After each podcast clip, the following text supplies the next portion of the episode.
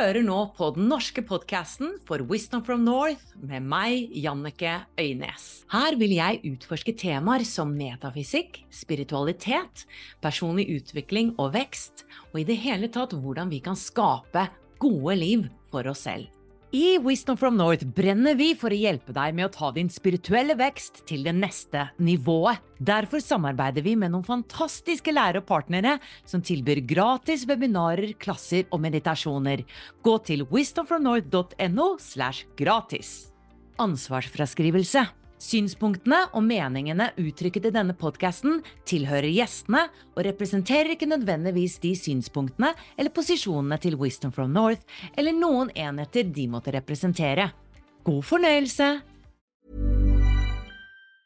Mom deserves the best, and there's no better place to shop for Mother's Day than Whole Foods Market. They're your destination for unbeatable savings, from premium gifts to show-stopping flowers and irresistible desserts. Start by saving 33% with Prime on all body care and candles. Then get a 15-stem bunch of tulips for just $9.99 each with Prime. Round out Mom's menu with festive rosé, irresistible berry chantilly cake, and more special treats. Come celebrate Mother's Day at Whole Foods Market. A lot can happen in three years, like a chatbot may be your new best friend. But what won't change? Needing health insurance. United Healthcare Tri Term Medical Plans, underwritten by Golden Rule Insurance Company, offer flexible, budget friendly coverage that lasts nearly three years in some states. Learn more at uh1.com.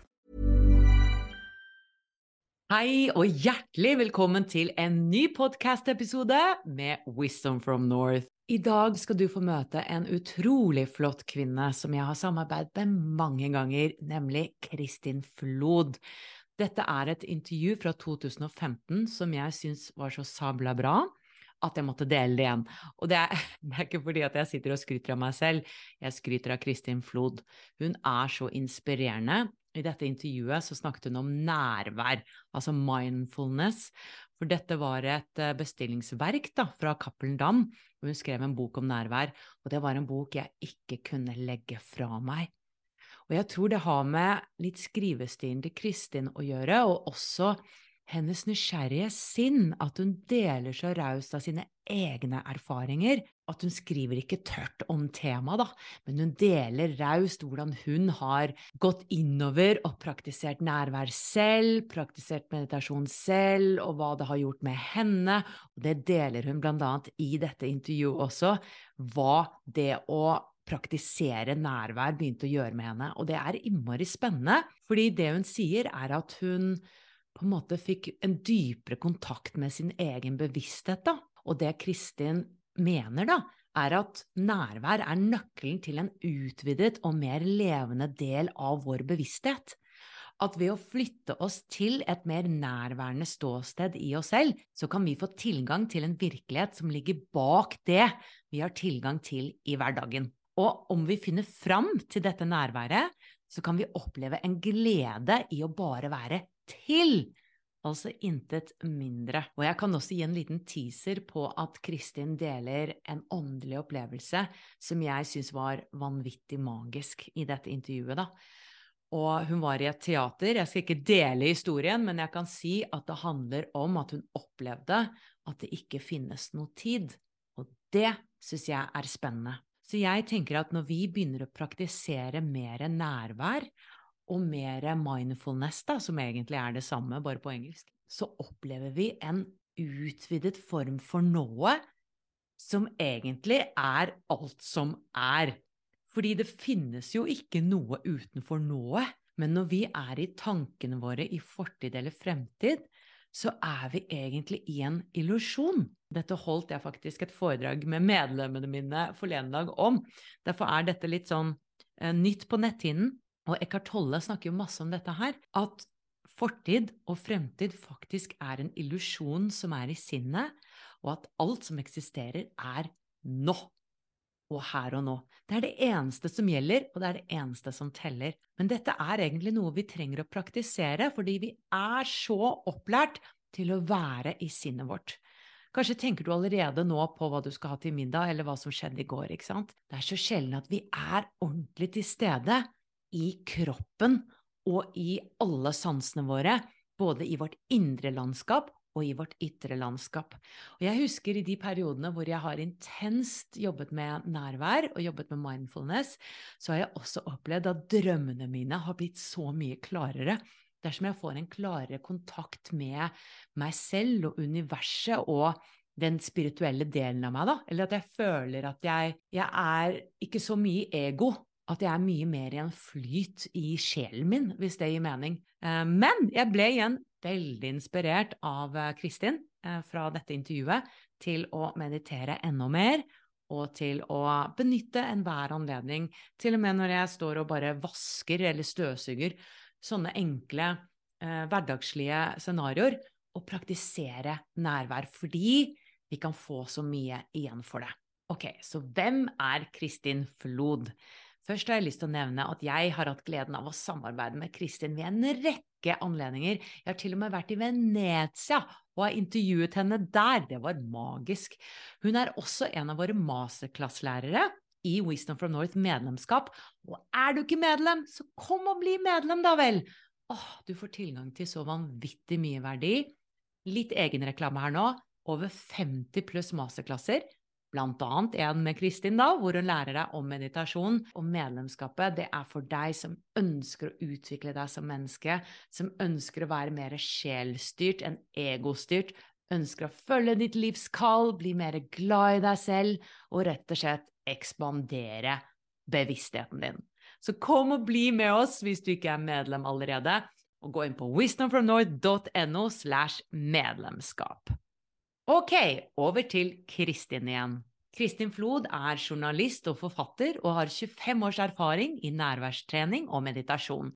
I 1992 debuterte hun med Utenfor allfarvei, samtaler om gåtene i oss. Ti år senere kom bestselgeren Amor Fati om å elske sin skjebne. Boken var en av de første i Norge som beskrev hvordan man gjennom det å bli mer oppmerksom, som vi har snakket om, kunne oppnå større selvinnsikt. Hun har også skrevet Rom for stillhet og en bok om eh, Frans av som jeg har intervjuet henne om. Og hun holder foredrag og stillhetsretreats og så mye mer. Gled dere til å møte Kristin Flod og lære av hennes perspektiver. Hjertelig velkommen til Wisdom from North, Kristin. Tusen takk. Takk for at du inviterte meg hit. Ja, det var jo en selvfølge. Jeg har jo lest uh, din andre bok, eh, Frans av Assisi, som vi også har gjort et intervju om på Wisdom from North. Men denne gangen så skriver du om nærvær, og dette var et bestillingsverk fra Cappelen Dam. Og etter hva jeg forsto, så var det en litt sånn overveldende oppgave å få, fordi hvordan skriver man om noe så uhåndgripelig? Ja, det var en uh, overveldende oppgave. Nærvær er jo noe så subtilt, og egentlig eh, ordløst, på en måte. Det tilhører det territoriet som jeg kaller for det ordløse territoriet. Det er jo mye mer en slags stemning, en atmosfære, en energi. Noe som vi fornemmer, og som vi veldig vanskelig setter ord på, ikke sant? Så da Cappelen Dam spurte meg om jeg kunne skrive om dette temaet, så, så var det veldig overveldende. Og så tenkte jeg nei, det, det er altfor stort for meg. Og hvem er jeg, selvfølgelig? Da kommer jo den som jeg kaller sabotøren. Hvem er du, liksom, som kan skrive om noe sånt når du er ikke teolog, du er ikke filosof, du er ikke Egentlig er du bare en alminnelig journalist så, men så gjenkjenner jeg noe fordi at jeg har en, arbeidet med mitt indre landskap, da. I sånne situasjoner så gjenkjenner jeg noe. Nemlig at det kommer en fornemmelse om at det er ikke egentlig Cappelen Dam som ber deg om dette. Det er livet som manifesterer dette i det konkrete, eh, tredimensjonale virkeligheten, og som inviterer deg inn i dette temaet av en eller annen grunn som du ikke vet. Det er veldig inspirerende å høre om, fordi eh, jeg tror mange kjenner seg igjen i det at man ikke våger å ta den sjansen når den kommer, nettopp fordi at du stopper deg selv med en gang med den kritikeren.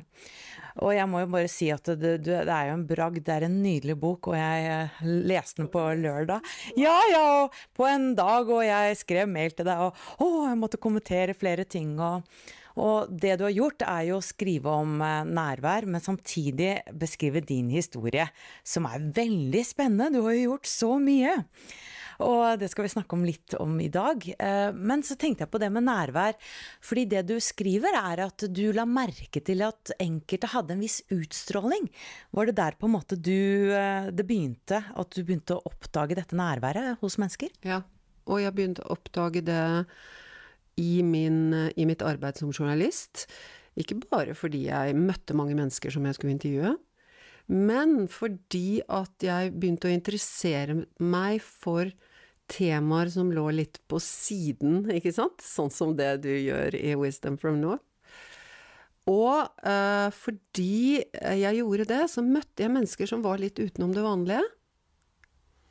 Og jeg la merke til at enkelte av disse menneskene som var litt utenom det vanlige, litt forskjellig fra de mainstream, de hadde noe i sin De hadde en energi, de hadde en aura, de hadde en et eller annet rundt seg som var utrolig fascinerende, og som jeg ikke greide å sette ord på, men som jeg ble beveget av, som jeg ble berørt av. Og i begynnelsen så kunne jeg gjenkjenne det som en slags utstråling, og det var det eneste ordet som jeg den gangen kunne beskrive det med. Eh, noen kalte det for karisma, ikke sant? Og det var kanskje noen andre ord som, som, ble brukt, men det jeg kunne relatere det sterkest til, det var en, en utstråling. Det var noen som strålte ut av dem. Det var faktisk sånn. Og etter hvert som jeg har gått mer inn i dette temaet, da, ikke minst i denne boken her, eh, arbeid med denne boken, men også gjennom års arbeid, så er det faktisk noen som stråler ut. Og det er jo utrolig interessant. Og veldig spennende. Det er noe som stråler. Ja, for jeg fikk plutselig et sånt bilde inni hodet nå med på en måte nettopp en lyspære som uh, blir tent på, da. At vi Jeg tror at vi alle har den, men det er snakk om å på en måte la det lyset skinne. For jeg tror vi uh, trykker oss selv veldig ned, og distraherer oss med det ene og det andre som gjør at vi er veldig mye oppe i hodet, og da kanskje ikke heller til stede i kroppen vår. Og det synes da utenfra. Ja, og det er jo også alle, alle store læremestere opp gjennom århundrene har jo sagt egentlig mye av det samme som jeg sier, jeg sier ikke så mye nytt, men de har jo sagt at det er noe som skygger for, og derfor det er noe som skygger for den vi egentlig er. Mm. Og ofte så blir jo metaforen om skyene og himmelen brukt av veldig mange åndelige læremestere ikke minst gjennom i buddhismen, men også i andre spirituelle retninger, så blir det jo så blir jo skyen brukt, fordi skyen stenger for, ikke sant, eh, lyset som ligger bak. Så bare det blir klart, altså arbeidet da er å, å liksom løse opp i skyene, mm. og oppdage det lyset som kommer bak fra solen, da. Det minner meg om Michelangelo, som sa at min jobb var bare å ta vekk det overflødige, men Davidskulpturen var der, innerst inne. Ja. ja, og det er jo på en måte den samme metaforen. Og dette med hjerneforskning og naturvitenskap, det berører du også.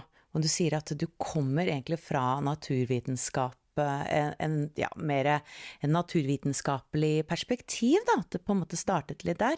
Så du har skrevet litt om hjerneforskning. Eh, kan du fortelle litt om hvor vi er i dag i forhold til hjerneforskning?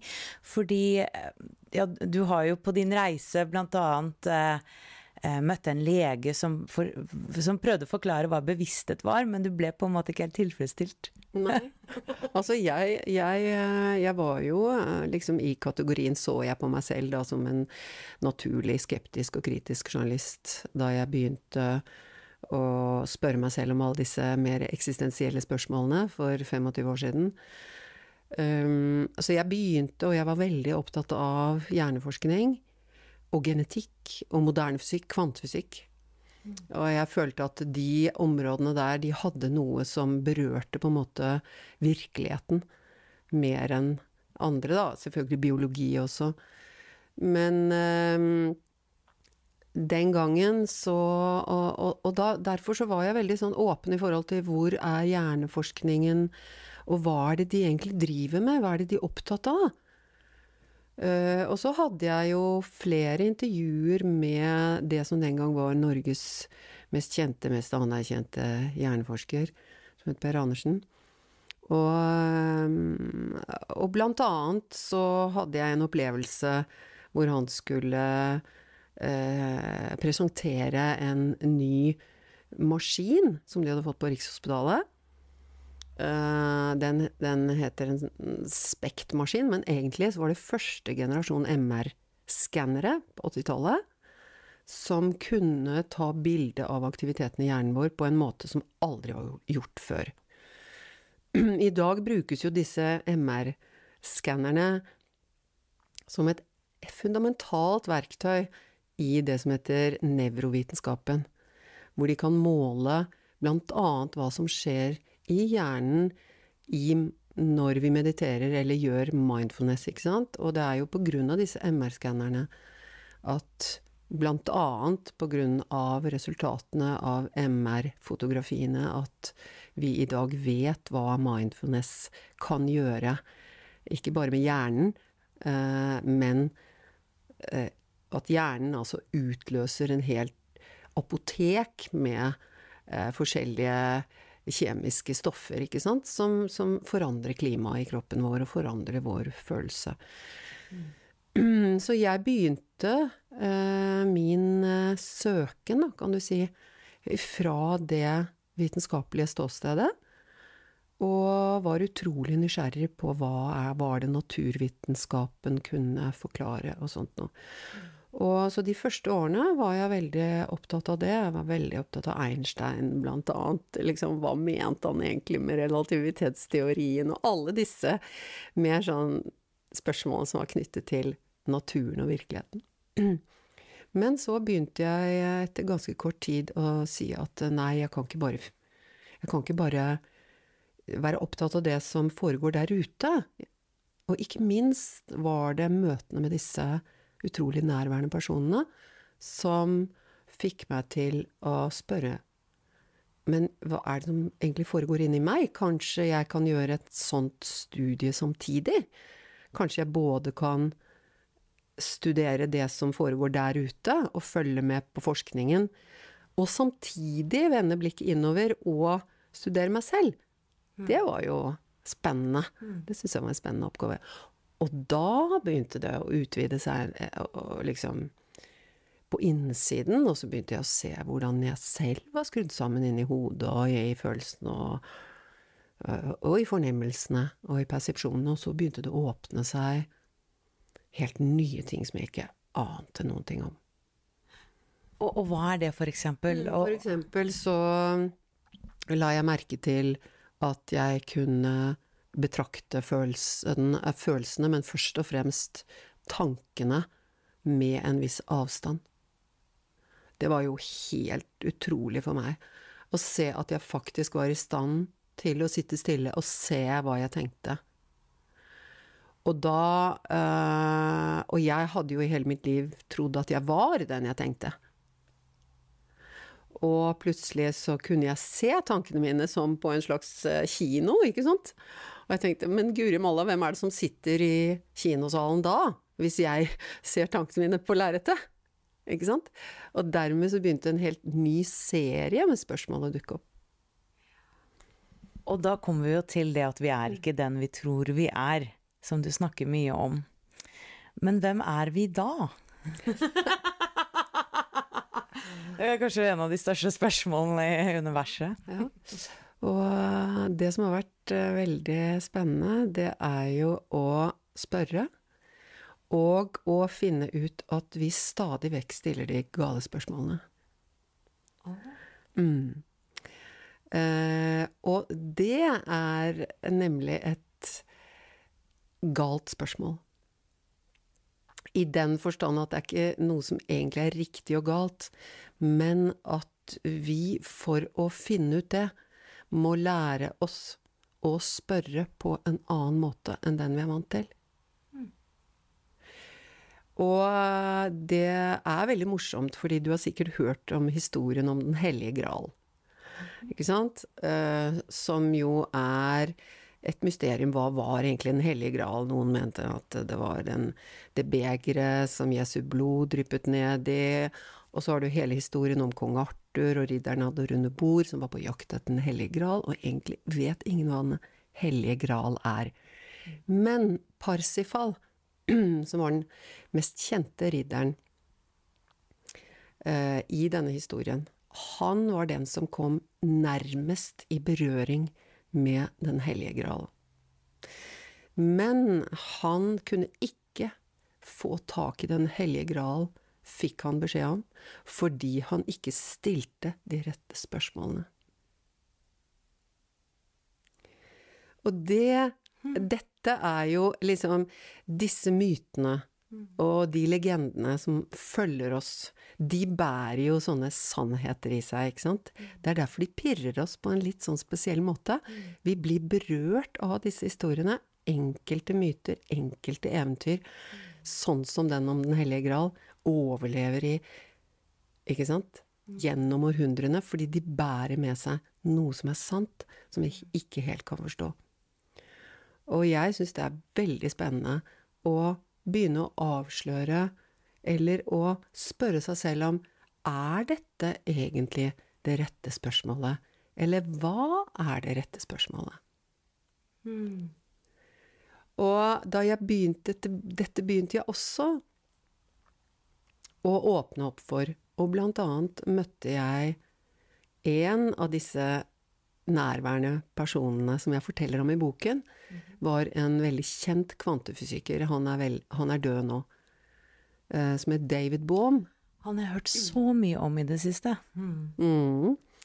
En fantastisk skikkelse som egentlig var like mye en filosof som han var kvantefysiker.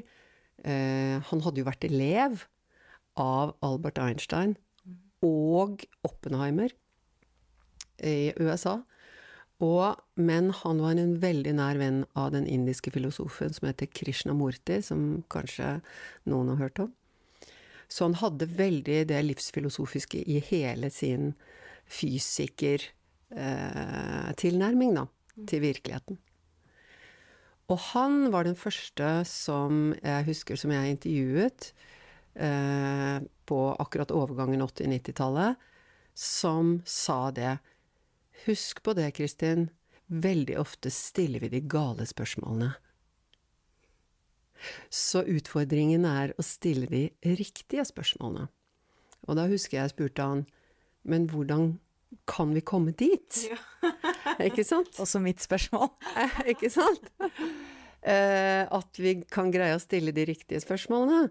Og så sier han Vi må lære å frigjøre oss fra det å lese på linjene, sier han.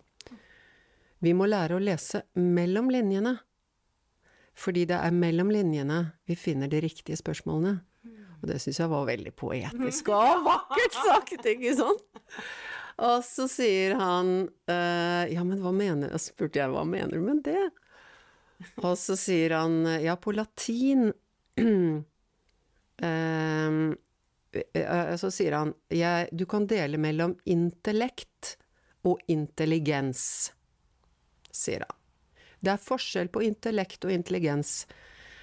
Mange tror det er det samme, men det er faktisk en forskjell. For intel, intellekt leser på linjene. Mm. Mens intelligens leser mellom linjene. Mm. Mm.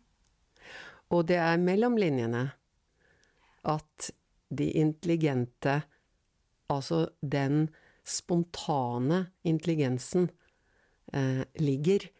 mens linjene blir formet av den vanlige kunnskapen eh, som på en måte vi fòrer oss selv med.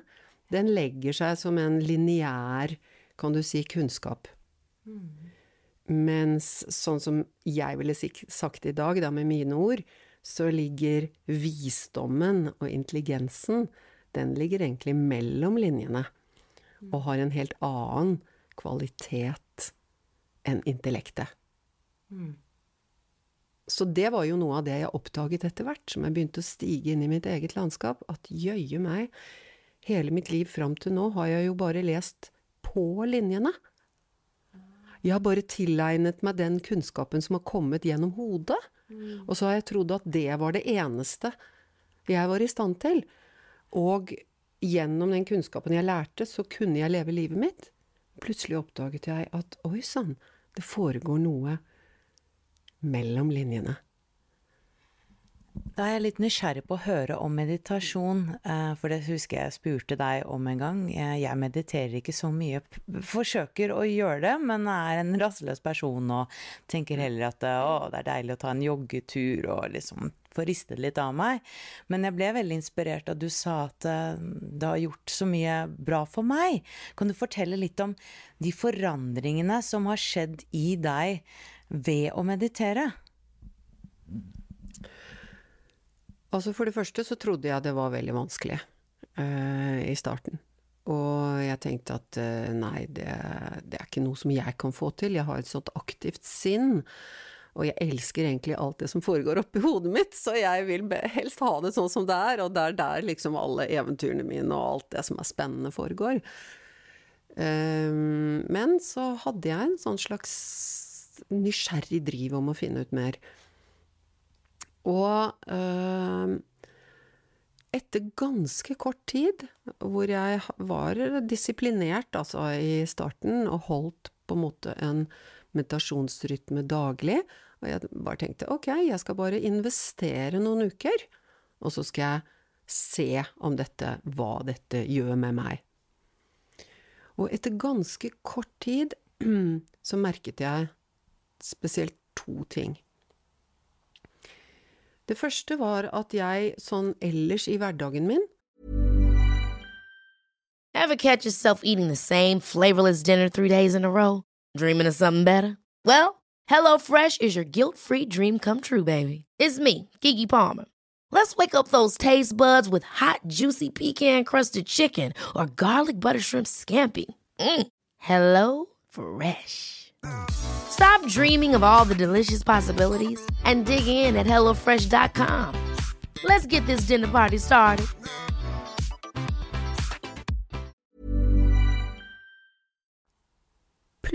plutselig fikk sånne setninger som bare datt ned i hodet mitt.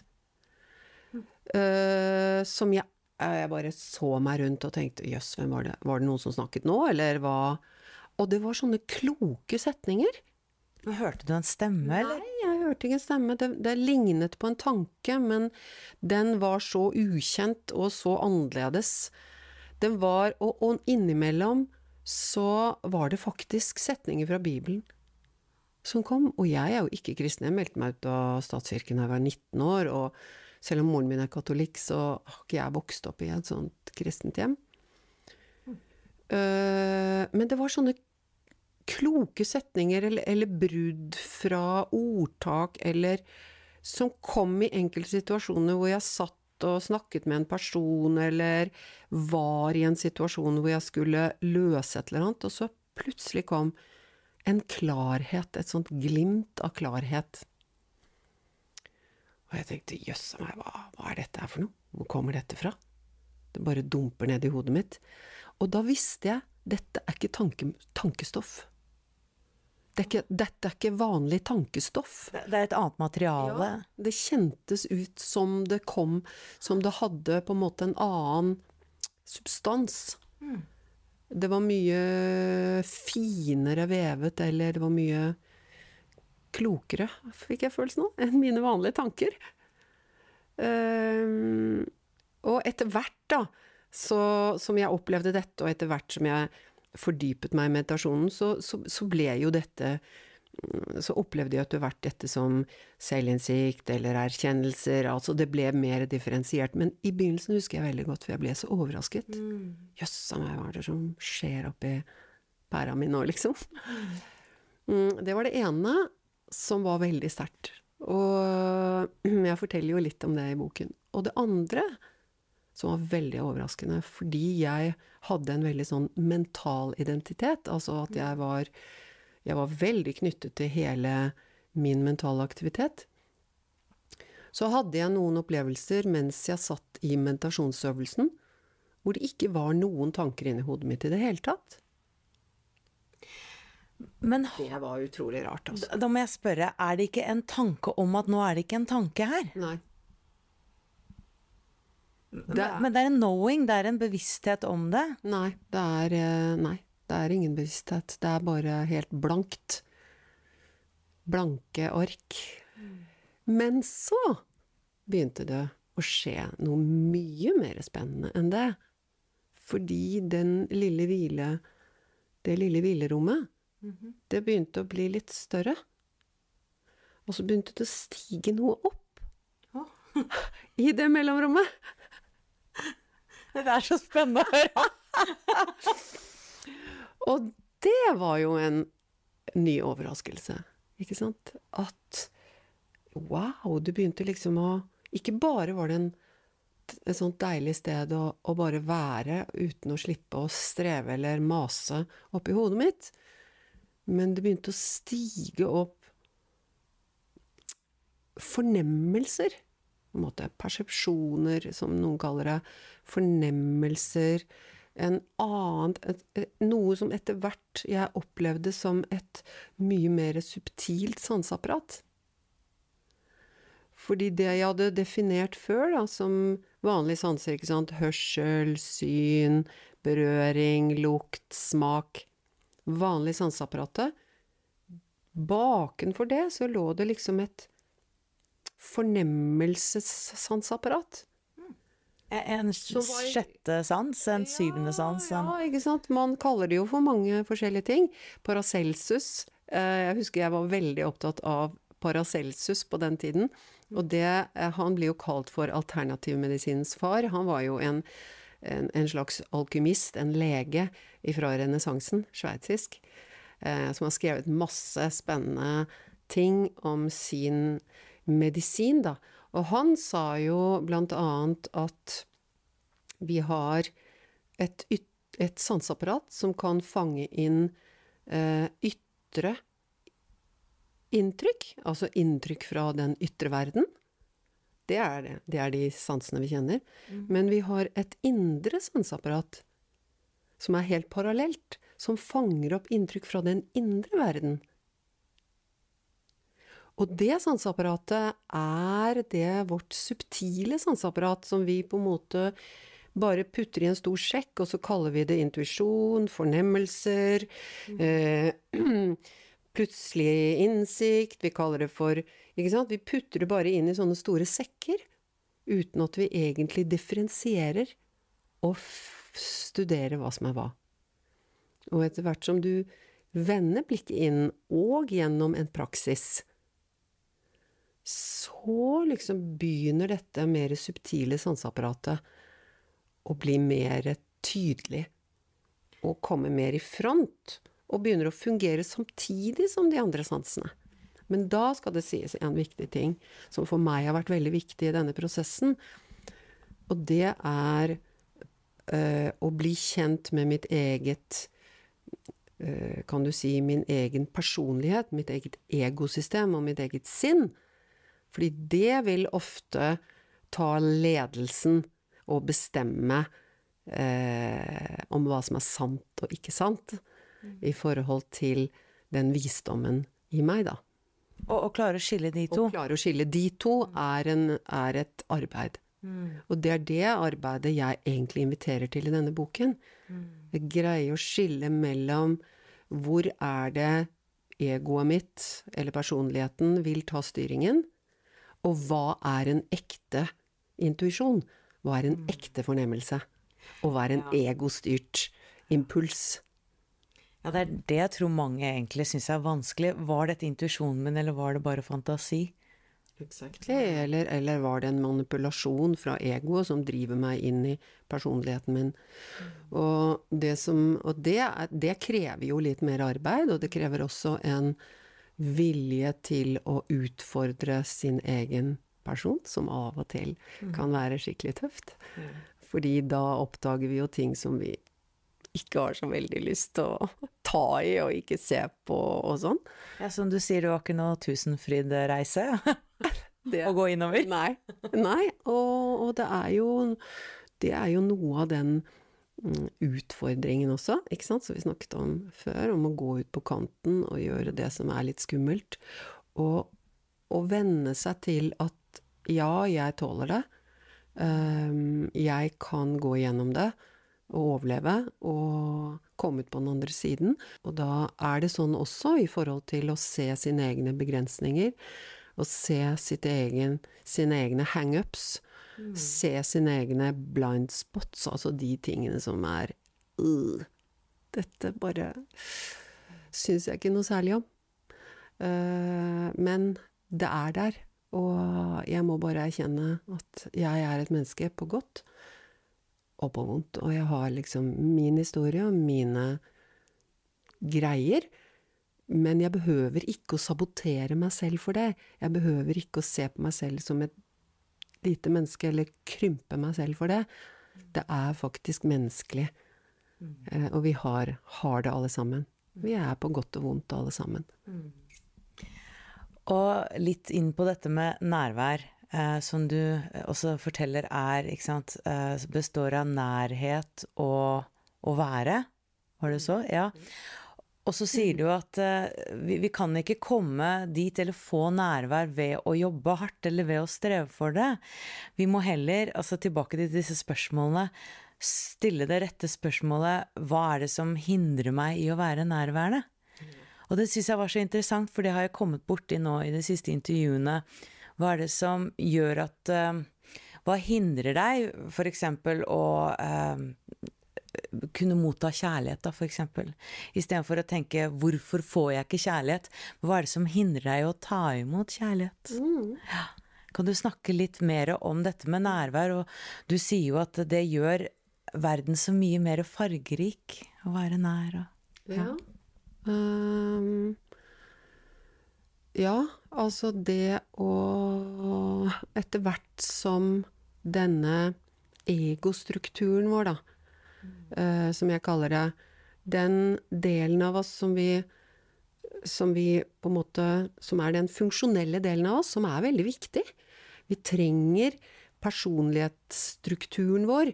Der ligger alle kjørereglene til hvordan vi skal oppføre oss i, i, i, i verden og i denne virkeligheten. Så jeg sier ikke at den at egoet vårt må dø, eller noe sånne ting. Det, det, det er ikke min tilnærming.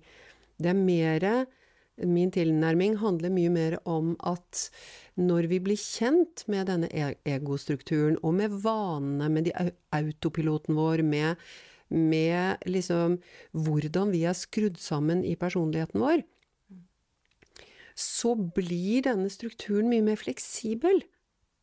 Det blir ikke så anspent. Den blir ikke så redd. Uh, og det betyr at vi kjenner det også. At, og da kommer det som heter aksept, ikke sant, som er et veldig vanskelig ord, syns jeg. Fordi eh, det at vi aksepterer oss selv, kan vi ikke gjøre med hodet. Da blir det en hodeting. Det må komme fra et annet sted.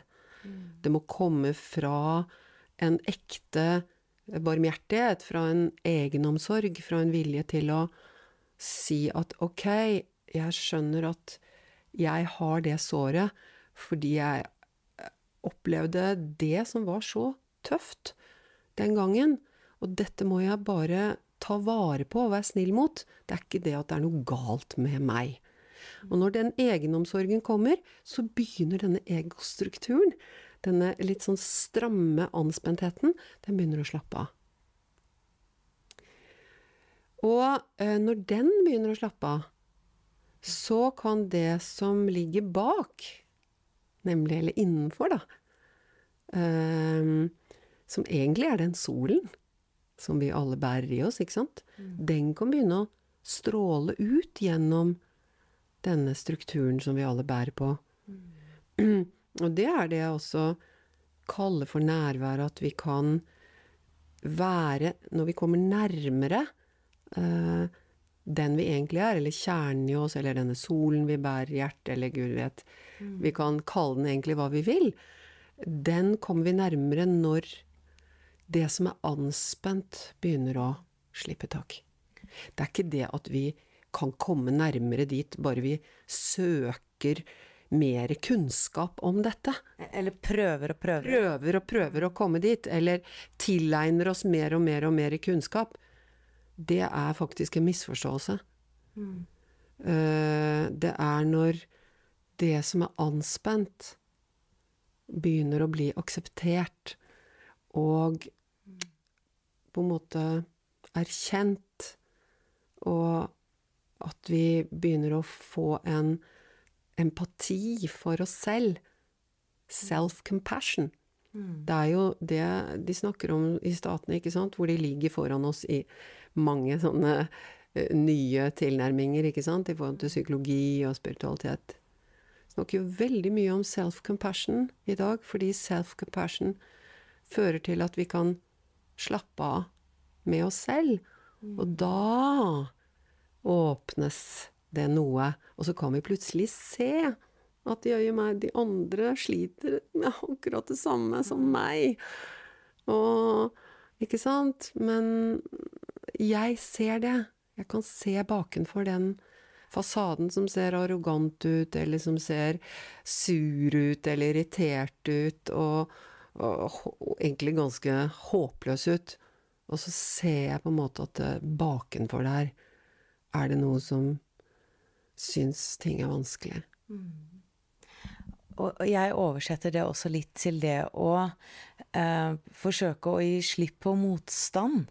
For, for det eh, motstand i deg selv. Og det er det mange lærere som nå snakker om, at vi har motstand til øyeblikket, da. At vi vil gjerne at det skal være annerledes, eller fikse øyeblikket. Mens hvis vi slipper den motstanden, da, så bare er vi i det som er. Og det trekker jeg litt som parallell til det du sier, og det å stille spørsmålet hva er det som hindrer deg i å være nær? Mhm, ja, og det er jo dette buddhistene sier jo det er veldig klart og tydelig i sin filosofi. De sier at vi har en impuls som ikke vil akseptere situasjonen sånn som akkurat sånn som den er. Og hva er da den impulsen, ikke sant? Og hva er det som driver oss til å alltid ville ha det annerledes? Hvorfor er det så utrolig vanskelig å bare si ok, dette er situasjonen sånn som den er nå. Vi aner ikke noe om hvordan det vil være om fem minutter, i morgen, om en uke, om tre måneder. Og allikevel har jeg en så sterk eh, eh, formening om den situasjonen. Hva er det som gjør det at vi har den motstanden, ikke sant? Det er utrolig spennende. Og det har jo vært min driv hele tiden. Det er å, å liksom være nysgjerrig og finne ut mer Jøss a meg, du, det der var veldig rart. Men jeg vil finne ut hvorfor det er sånn. For det er spennende. Jeg har lyst til å høre litt om en eh, åndelig opplevelse som du hadde i et teater. Eh, det syns jeg var veldig fascinerende. At du sitter for å se, se en forestilling, og jeg var eh, Du beskriver den i boken. Jeg var umiddelbart til stede hos deg. Og uh, tenkte wow, så heldig du er som har fått en sånn opplevelse. Har du lyst til å dele den? Ja, uh, det kan jeg godt dele. Og det var i en veldig Det var faktisk bare noen måneder, eller kanskje et år, etter at jeg begynte å meditere. Og det var en av de opplevelsene som jeg Som kom helt sånn overraskende i den første meditasjonsfasen, da. Og da husker jeg jeg var invitert på Black Box-teatret på Aker Brygge. Det var et nytt teater den gangen, på 80-tallet. Og vi gikk og satte oss, og det var et litt sånn Det var litt sånn avantgarde-teater, da. Og så plutselig så Nei, og så slukket de lyset, selvfølgelig, for forestillingen skulle begynne. Og i det sekundet lyset ble slukket, så ble på en måte hele teatret forsvant og ble en, en slags gigantisk svart sånn fløyelskosmos uten stjerner. Jeg vet ikke hvordan jeg skal forklare det eh, på en annen måte, men alt forsvant, og eh, det ble helt tomt i meg, utenfor meg. Eh, det eneste jeg kunne liksom relatere det til, det var at det var så stort som hele universet. Og at, at det var sånn grenseløst, ikke sant. Noe som jeg kunne kjenne igjen når jeg hadde en sånn følelse av at universet er grenseløst. Og det var helt tomt og helt svart. Og absolutt alt var der. Og det, det, jeg, det eneste på en måte jeg kjente, det var at alt som skjer, skjer akkurat nå. Wow. Og det var på en måte en sånn eh, Altså, den setningen, eller den Det var jo ikke en setning som kom, for det kom ikke fra hodet mitt, men det var på en måte en erkjennelse, en, en fornemmelse, noe som sto ut fra det svarte fløyelsmørket. Det kom på en måte ut av det svarte, fløyelsmørket, kom den erkjennelsen. Alt skjer akkurat nå. Hvor lenge varte dette her? Eh, altså, det varte jo da de slukket lys, og så kom jo liksom Ikke sant, da kom jo skuespillerne ut på scenen og sånt noe. Så selve flashet kom jo som et flash. Alt skjer akkurat nå, men selve den erkjennelsen, alt Å, herregud, hva betyr det? Alt skjer akkurat nå. Hva innebærer det? Ja, Uh, hva betyr det? Ikke sant? Det var så stort at hodet mitt kunne jo ikke gripe det. Men det på en måte satte seg i kroppen min, da. Jeg syns det er veldig spennende og inspirerende å høre om, fordi man kan kanskje tenke at meditasjon skal sette meg ned, og jeg har så mye å gjøre, jeg har så mye spennende å gjøre, og skal jeg bare sitte og være stille? Men jeg har snakket med mange mennesker som har veldig mange opplevelser med meditasjon. Og jeg tenker at det er, det er litt motiverende å høre, da. For å kunne forsøke å sette seg ned og ta den tiden. Og se hva man kan oppdage. Og også kanskje få en inngang til det at man lærer ikke bare gjennom hodet, eller man, man, får ikke inn all mulig kunnskap gjennom hodet. Fordi det er sånn vi tross alt er oppdratt, altså. Så jeg jeg, jeg, kjenner at jeg trenger den inspirasjonen å høre om sånne ting, for da blir jeg sånn Nå skal jeg prøve dette her. ja, og det er virkelig sånn. Det er jo veldig fint at du egentlig understreker det, fordi for det første så er vi egentlig litt hjernevasket, sånn som vi har vokst opp. Vi har vokst opp i et hodesystem, i et hodesamfunn. Alt er blitt satt i et verdisystem hvor hodet står på toppen, og vi har ikke fått dette eh, Ikke sant? Noen av oss.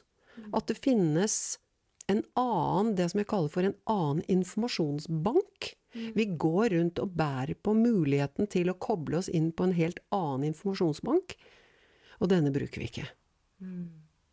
Og egentlig er det ikke så vanskelig, men eh, fordi altså logisk sett er det jo egentlig ikke så vanskelig å bestemme seg for å ta et kvarter av den lange dagen, og liksom sette seg ned og gjøre en øvelse. Mm. Ikke sant? Men det er noe inni oss som ikke vil ha noe av det. Mm. Og det er veldig viktig at vi på en måte vet om, tenker jeg. Vi, at vi vet om at det er en del av oss, altså det hodet som har bestemt fram til nå, det vil ikke ha noe andre inn på banen her. Det vil være sjef. Og egostrukturen vår, sammen med sinnet vårt, eh, de har alltid hatt ledelsen, og når de merker at vi er opptatt av å liksom begynne å utforske et annet territorium, da bruker det bare de knepene for å stoppe oss. Så det er veldig viktig å vite, i hvert fall ser jeg jo også det fordi jeg holder retreater og kurs og sånn, at det er veldig viktig å vite om den mekanismen. At vi har noe inni oss som hele tiden vil stoppe denne prosessen. Og det som vil stoppe, det er veldig ofte den delen av oss som ikke er bra for oss selv. Merkelig nok. Merkelig nok. Og vi holder på å spenne ben for oss selv hele tiden. Men det er et mysterium hvorfor det er sånn, ikke sant? Men det oppdager man uh, underveis på denne selvutforskningen, som jeg kaller det, da. Uh, hvor vi med et nysgjerrig blikk, og med det som jeg kaller for en nøytral modus, som er veldig, veldig viktig, og det sier mange av studentene mine også, eller de som deltakerne, kursdeltakerne, at det å lære at vi kan være i nøytral modus, det er utrolig viktig. Og hva betyr det? Jo, det betyr å ikke hele tiden ha en mening. Altså å lære seg å være på og på en måte være til stede i livet uten hele tiden å skulle mene og synse og mene og synse og gi karakterer og evaluere absolutt alt. Og kommentere absolutt alt. Vi, det går an. Det føltes veldig befriende. Ja. Det er utrolig befriende. Så etter hvert som man blir kjent med det stedet i seg selv eh, Oi, jøsse meg, jeg kan slippe å mene. Jeg bør ikke streve så fælt for å ha en mening om det og det og det, enten det er eh, familien min, eller det er mannen, barna, skolen, lærerne, eh, flyktningene, eh, politiske partier, whatever. Åh, jeg kan være et godt menneske selv om jeg ikke har meninger om alt mellom himmel og jord. Det er veldig deilig. Åh, tusen takk, kjære Kristin. Det er alltid en glede å snakke med deg, og det blir alltid dypt. Ja, men i like måte, for du henter frem eh, spennende temaer, og det handler jo om deg, Annike. Ja, men det er, eh, det er en glede å få gjøre disse intervjuene og lære noe i hvert intervju. Det syns jeg er så givende. Og jeg kan varmt, varmt anbefale denne boken. Det er også noen sånne QR-koder, så folk kan se videoer av deg også, hvor du gjør øvelser. Det var jo Det var lurt. Nytt eksperiment. Det er et nytt eksperiment. Og eh, det syns jeg er veldig spennende. Så man kan da bare ta mobiltelefonen, eh, laste ned en liten sånn QR-kode-app-leser. Og så er det noen sånne QR-koder innimellom sidene. Og der har jeg laget eh, noen små filmer hvor jeg instruerer en liten øvelse. Eh, en sånn litt mental trening eller meditasjonsøvelse. Og så kan man sitte hvor man vil, egentlig. Eh, så lenge man er online. Og ta seg tid til de ti minuttene og bare komme i kontakt med noe annet enn det som hele tiden er uh, uh, uh, uh, uh, hele dagen gjennom. Tusen takk, og lykke til med ja, boksalg og kurs. eh, Det ene og det andre kurset fremover. Ja, tusen takk skal du ha også, Jannicke. Lykke til. Planning for your next trip? Elevate your travel style with Quince. Quince has all the jet setting essentials you'll want for your next getaway, like European linen, premium luggage options, buttery soft Italian leather bags, and so much more. And it's all priced at 50 to 80% less than similar brands. Plus, Quince only works with factories that use safe and ethical manufacturing practices. Pack your bags with high-quality essentials you'll be wearing for vacations to come with Quince. Go to quince.com slash trip for free shipping and 365-day returns. Hold up. What was that? Boring. No flavor. That was as bad as those leftovers you ate all week. Kiki Palmer here, and it's time to say hello to something fresh and guilt-free. Hello Fresh. Jazz up dinner with pecan-crusted chicken or garlic butter shrimp scampi. Now that's music to my mouth. Hello Fresh. Let's get this dinner party started. Discover all the delicious possibilities at hellofresh.com.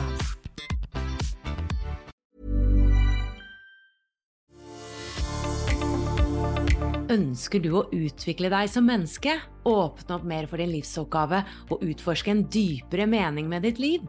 Så er du hjertelig velkommen inn i Wisdom from North medlemskap.